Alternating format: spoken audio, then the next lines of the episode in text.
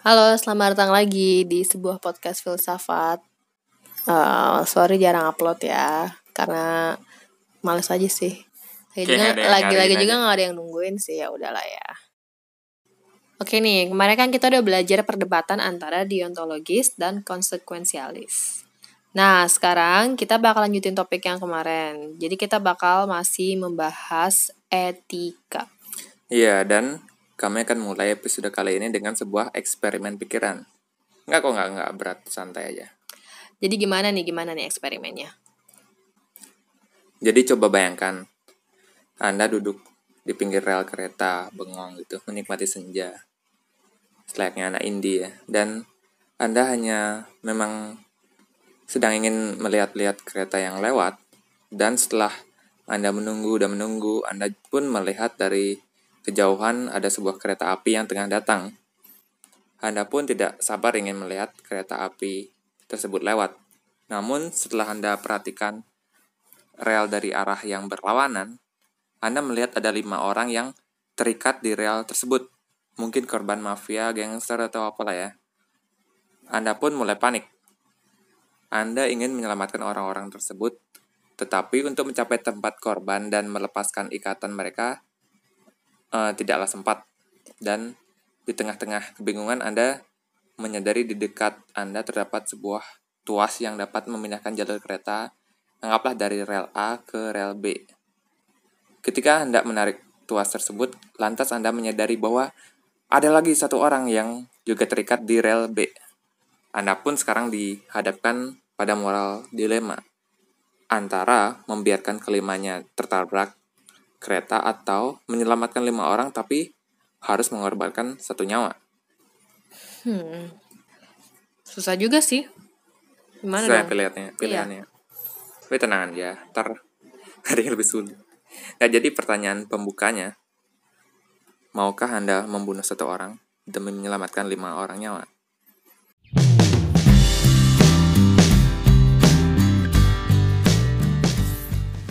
Ah, kalau udah bunuh-bunuhan gini males lah. Enggak, biasa aja. Ini eksperimen pikiran doang. Kamu hanya harus mengambil pilihan yang ada aja. Jadi pilihanmu apa nih? Oke, berhubung di episode lalu kan aku adalah seorang konsekuensialis nih. Aliranku konsekuensialisme.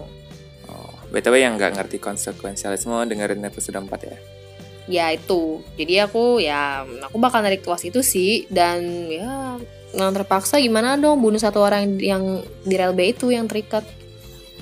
Pertanyaanku kenapa? Kenapa kamu bunuh orang mau mengorbankan orang itu?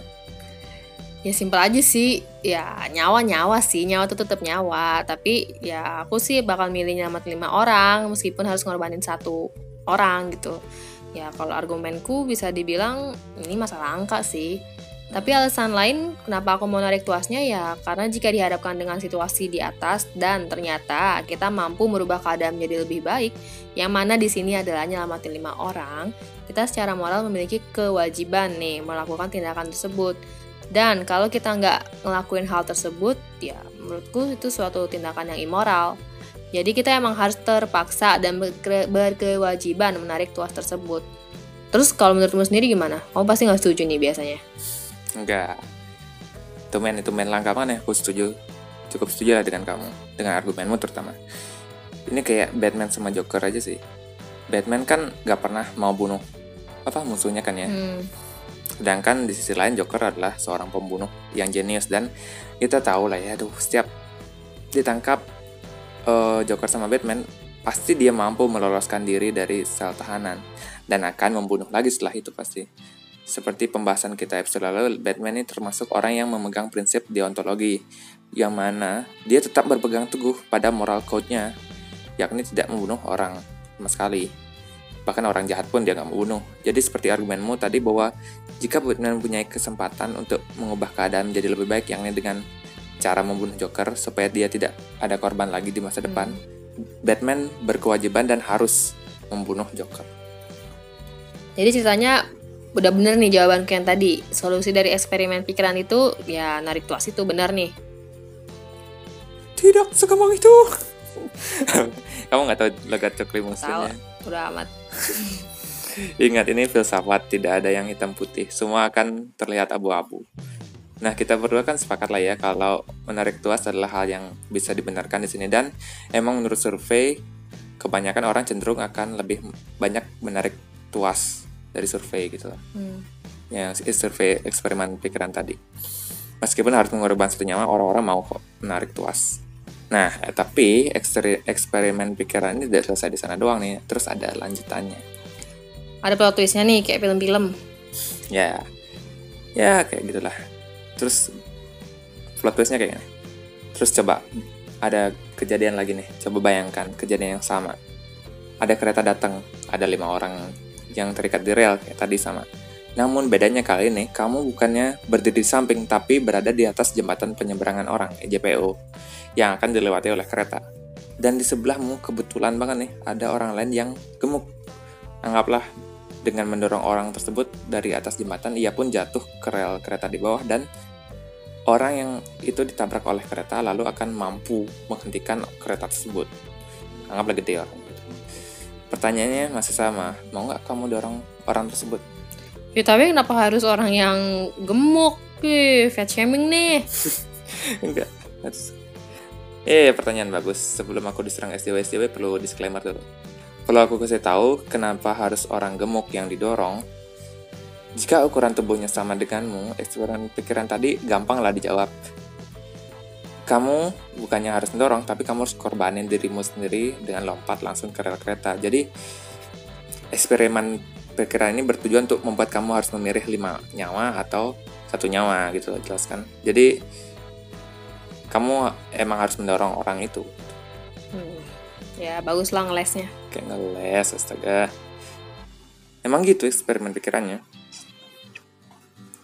nah kok diem apalagi nih ya jawab pertanyaan tadi Oh, pertanyaannya masih sama. Mau nggak aku ngorbanin satu orang demi, demi menyelamatkan lima orang? Tapi entah kenapa kok yang kayak ini yang ngedorong orang ini salah gitu ya kalau kita dorong orang itu. Ya. Tapi apa ya? ya emang ada rasa janggal ya sih ya gak sih hmm. dan menurut survei orang-orang tadi yang memilih untuk menarik tuas dan mengorbankan satu orang tersebut malah sekarang kayak nggak mau mendorong orang mendorong satu orang di atas tadi padahal ya sama aja membunuh satu orang sama. Ya nggak ada bedanya dengan apa eksperimen pikiran yang pertama. Ya tapi aneh aja yang pertama narik tuas yang kedua dorong orang. Mungkin karena kita dengan sengaja dorong orang itu yang kedua ke tempat yang berbahaya. Itu sih salahnya ya nggak sih? Lah di eksperimen pikiran yang pertama, emang satu orang yang berada di rel itu di tempat yang berbahaya. Dia aman-aman aja kok meskipun pakai ikat ya. Aman-aman aja kok di rel tadi. Nah setelah kamu tarik tuasnya baru itu jadi area yang berbahaya. Jadi argumenmu bawa orang ke area berbahaya nggak nggak valid sih ya.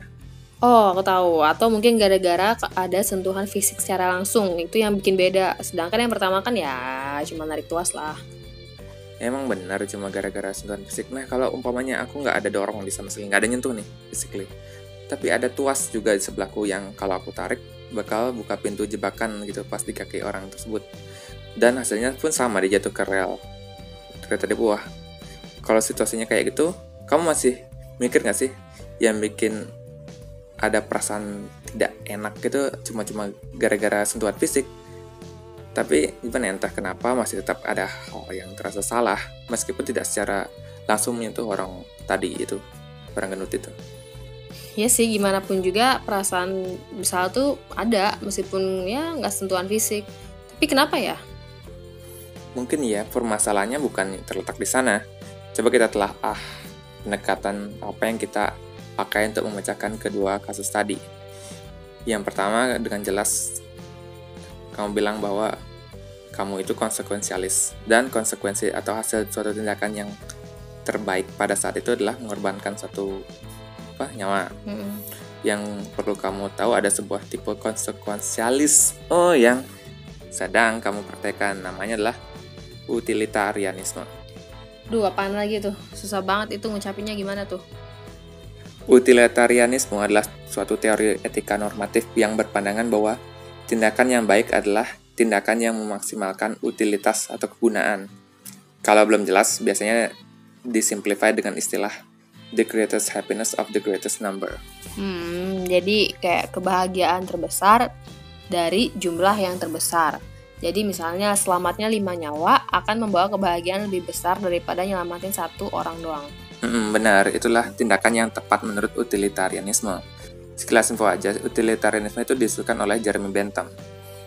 Lalu kemudian di di refine, diperbaiki oleh John Stuart Mill. Tapi konsep dasarnya balik ke zaman Yunani kuno, yakni para Epicureanisme lah. Hmm, Oke oke, jadi u- utili utili utilit duh utilita Ut- Utilitarianisme. utili utilitarianisme Utility. utilitarianisme kelihatannya pilihannya logis tapi pas kita terapkan untuk kasus yang kedua kok kayak ada yang salah ya Kalau emang kamu merasa ada yang salah, atau siapa pun deh yang ngerasa emang nggak cocok menerapin utilitarisme pada kasus kedua, mungkin kamu orangnya yang nggak teguh pendirian kali ya, atau munafik mungkin kamu, atau mungkin karena emang pendekatan yang kita pakai nggak cocok dengan situasinya. Jadi kamu harus merevisi fondasi moralmu ulang nih. Dan di sini sekarang muncul lagi sosok yang penting dalam dunia filsafat yakni Immanuel Kant. Oh yang episode kemarin itu Immanuel Kant itu yang deontologis itu kan Yoi. Ya coba deh sebutin secara singkat apa itu deontologi, sekedar ngingetin dan ya aku ngetes juga sih pemahamanmu. Paham nggak episode lalu? Nah, deontologi itu adalah pandangan etika yang menganggap tindakan yang tepat adalah tindakan yang sejalan dengan prinsip moral yang berlaku saat itu. Misalkan, kita nggak boleh mencuri meskipun ya lapar banget nih. Nggak boleh nerobos lampu merah meskipun udah telat kampus. Dan Eh. lain-lain kayak gitulah. Wih, baca baca baca. Padahal, padahal tuh baca loh, BTW. Ini jangan bocor-bocorin rahasia perusahaan dong gimana sih. So anyway, kan berargumen bahwa menggunakan orang hanya sebagai alat untuk mencapai tujuan adalah hal yang salah. Jadi sebenarnya yang terjadi pada kasus yang kedua adalah kamu menggunakan orang gendut yang tak berdosa tadi sebagai alat untuk mencapai tujuan yang kamu ingin capai. Dan itu adalah hal yang salah. Jadi bukan karena dorong orang ke tempat berbahaya, bukan karena sentuhan fisik, tapi karena menggunakan atau memanfaatkan si orang itu sebagai alat. Iya, dan kan juga beranggapan bahwa fondasi moral harusnya universal, yakni tidak dipengaruhi oleh latar belakang apa pun, mau suku, kayak budaya, geografis, dan hal lainnya. Pokoknya bisa diaplikasikan ke berbagai tempat dan berbagai zaman, jadi tidak terbatas ruang dan waktu. Jadi contohnya apa tuh yang nggak terbatas ruang dan waktu? Jawabannya adalah akal. Iya kan? Akal, karena akal, logika, nalar itu adalah hal universal yang dimiliki semua manusia yang waras. Maka moralitas pun harusnya universal karena akal itu universal kan gitu. Jadi setelah menyadari hal itu, Immanuel Kant pun merancang sebuah sistem moral yang dia sebut kategorikal imperatif atau dalam bahasa Indonesia imperatif kategoris. Tunggu deh, ada nggak sih istilah filsafat yang gampang? Terus tuh apa lagi tuh deh, imperatif ada. kategoris. Nggak ada nggak? Kamu harus belajar gitu, belajar menerima istilah-istilah filsafat. Jadi imperatif itu artinya bisa sangat sangat penting atau harus dipatuhi lah. Sedangkan kategoris maksudnya tidak miku atau melewati semua kategori. Jadi tidak terbatasi sebuah kategori gitu. Jadi imperatif kategoris itulah suatu aturan wajib yang mengikat semua orang tanpa dibatasi oleh situasi, budaya, zaman dan apa dan seterusnya dan dan bla dan bla. Jadi contohnya apa dong aturan yang tidak dibatasi oleh situasi dan zaman? Jadi, Immanuel Kant mengusulkan sistem moral yang terdiri dari lima poin utama. Satu, yang tadi aku sebutin, bahwa semua tindakan berdasarkan akal, tidak merasakan perasaan atau emosimu, tidak berdasarkan norma budaya, tetapi pure, murni berdasarkan akal. Oke, terus Kedua, semua tindakan haruslah bebas, dalam artian tidak dalam perbudakan atau ancaman apa pun. Misalnya kamu mungkin diancam melakukan sebuah tindakan, diharuskan melakukan suatu tindakan oleh apa monster sebagai terbang untuk tunduk pada padanya. Jika tidak, kamu akan dihukum gitu. Jadi kamu nggak bebas melakukan suatu tindakan. hmm, Lalu yang ketiga yang paling terkenal nih. Bertindaklah hanya sesuai dengan maksim yang melalui keinginan Anda sendiri dapat dijadikan sebagai sebuah hukum alam yang universal. Jelas nggak tuh? hmm, bisa dielaborasi lagi nggak? Terus maksim itu apaan deh? Maksim dalam filsafat itu maksudnya prinsip dasar suatu tindakan. Jadi misalnya kamu ngambil gorengan, misalnya ya, tapi nggak bilang ke mas-masnya yang jual. Nah, maksim atau prinsip dasar tindakan itu adalah kan apa mencuri kan jelas. Jadi kayak aku bilang A ke kamu, tapi faktanya itu B. Jadi maksim aku itu adalah bohong. Ya, benar. Aku jelasin lebih gampang aturan yang ketiga tadi. Bertindaklah hanya jika kamu perbolehkan tindakanmu menjadi hukum yang universal atau semua orang juga boleh lakuin. So, contoh tadi, kalau kamu mencuri, berarti semua orang juga boleh mencuri. Dan kan meminta kamu membayangkan menjadi apa dunia jika semua orang boleh mencuri. Tentu yang terjadi adalah semua orang saling rebut-rebutan barang, bahkan konsep kepemilikan atau possession itu gak bakal ada karena semua orang terus saling mencuri. Nah, jika terjadi kontradiksi atau dunia menjadi kacau, maka kamu nggak boleh melakukan hal itu menurut Immanuel Kant. Jadi intinya nih, kalau aku boleh, ya orang lain juga harus boleh. Ya, semacam itulah. Tapi jangan sampai ada kontradiksi atau dunia menjadi kacau gitu. Hmm. Terus terus yang keempat apa nih? Keempat, bertindaklah sedemikian rupa sehingga Anda selalu memperlakukan umat manusia entah di dalam pribadi Anda maupun di dalam pribadi setiap orang lain sebagai tujuan bukan sekedar sebagai sarana belaka. Yang dimaksud adalah jangan menggunakan orang sebagai alat semata lah demi mencapai tujuanmu. Seperti contoh pada kasus yang kedua tadi, ketika kamu mendorong orang gemuk itu. Nah, tapi nih, aku ke restoran nih, terus pesan makanan. Ya kan aku menggunakan si pelayan dan chef itu sebagai alat untuk mencapai tujuanku, yaitu makan, bikin aku kenyang, makan makanan mewah. Masa itu nggak boleh sih menurut si Manuel Kant? Kata kunci dari kalimat Immanuel Kant yang tadi adalah jangan jadikan orang sebagai alat semata. Meskipun kamu ngerasa menggunakan pelayan dan chef sebagai alat, dia juga menggunakan kamu sebagai alat untuk mendapatkan uang. Jadi kamu punya tujuan, dia juga punya tujuan. Jadi semua semuanya punya tujuan karena kamu bayar jasa mereka gitu. Jadi nggak masalah. Yang yang jadi masalah adalah ketika kamu menggunakan orang sebagai alat semata. Contohnya apa perbudakan gitu. oh. gitu. Jadi kan perbudakan si budak kan nggak punya tujuan tadi kan chef dan pelayan tuh punya tujuan dapatkan hmm. uang oke okay lah so far so good so and last but not least what is the fifth? Lima dan terakhir. Kita haruslah berusaha untuk hidup di kerajaan tujuan atau kingdom of ends. Immanuel kan menyebutnya. Ter, ter lagi ada tuh di Indonesia. Apa? kingdom of ends. Diketuai yoga. Enggak, ini bukan kerajaan-kerajaan gitu. Maksudnya penjelasannya Immanuel kan ya. Lumayan panjang juga sih. Tapi intinya Immanuel kan ingin kita membayangkan sebuah negara yang bersihkan orang-orang rasional yang sudah menerapkan aturan-aturan yang kita sebutin tadi kan, yang aku hmm. sebutin maksudnya. Dan negara itu pun sangat menjunjung tinggi kebebasan otonom individu dan kita diharapkan mendambakan negara yang seperti itu gitu. Kayaknya udah habis nih udah, pembahasannya udah nih. Mm -mm, udah lima poin tadi. Hmm, udah sih, tapi aku mau kasih penutup dikit sih. Nah, ya, kamu dulu deh, apa yang kamu rasain setelah tahu eksperimen pikiran tadi? Eh, BTW, eksperimen pikiran tadi namanya trolley problem. Cuma hmm. aku di sini pakai kereta karena mungkin Indonesia nggak tahu kalau dibilang trolley mikirnya trolley belanjaan. belanjaan. Nggak di luar tuh trolley itu beda gede sama belajar utilitarian tadi sama imperatif kategoris gimana? Ya habis belajar tadi aku ngerasa belajar etika itu kayak ya trauma ambing gitulah di lautan. Kadang ngerasa bagian yang sana bener, kadang yang sini bener. Kayak dunia yang aku lihat tadinya itu hitam putih, eh sekarang jadinya abu-abu gitu.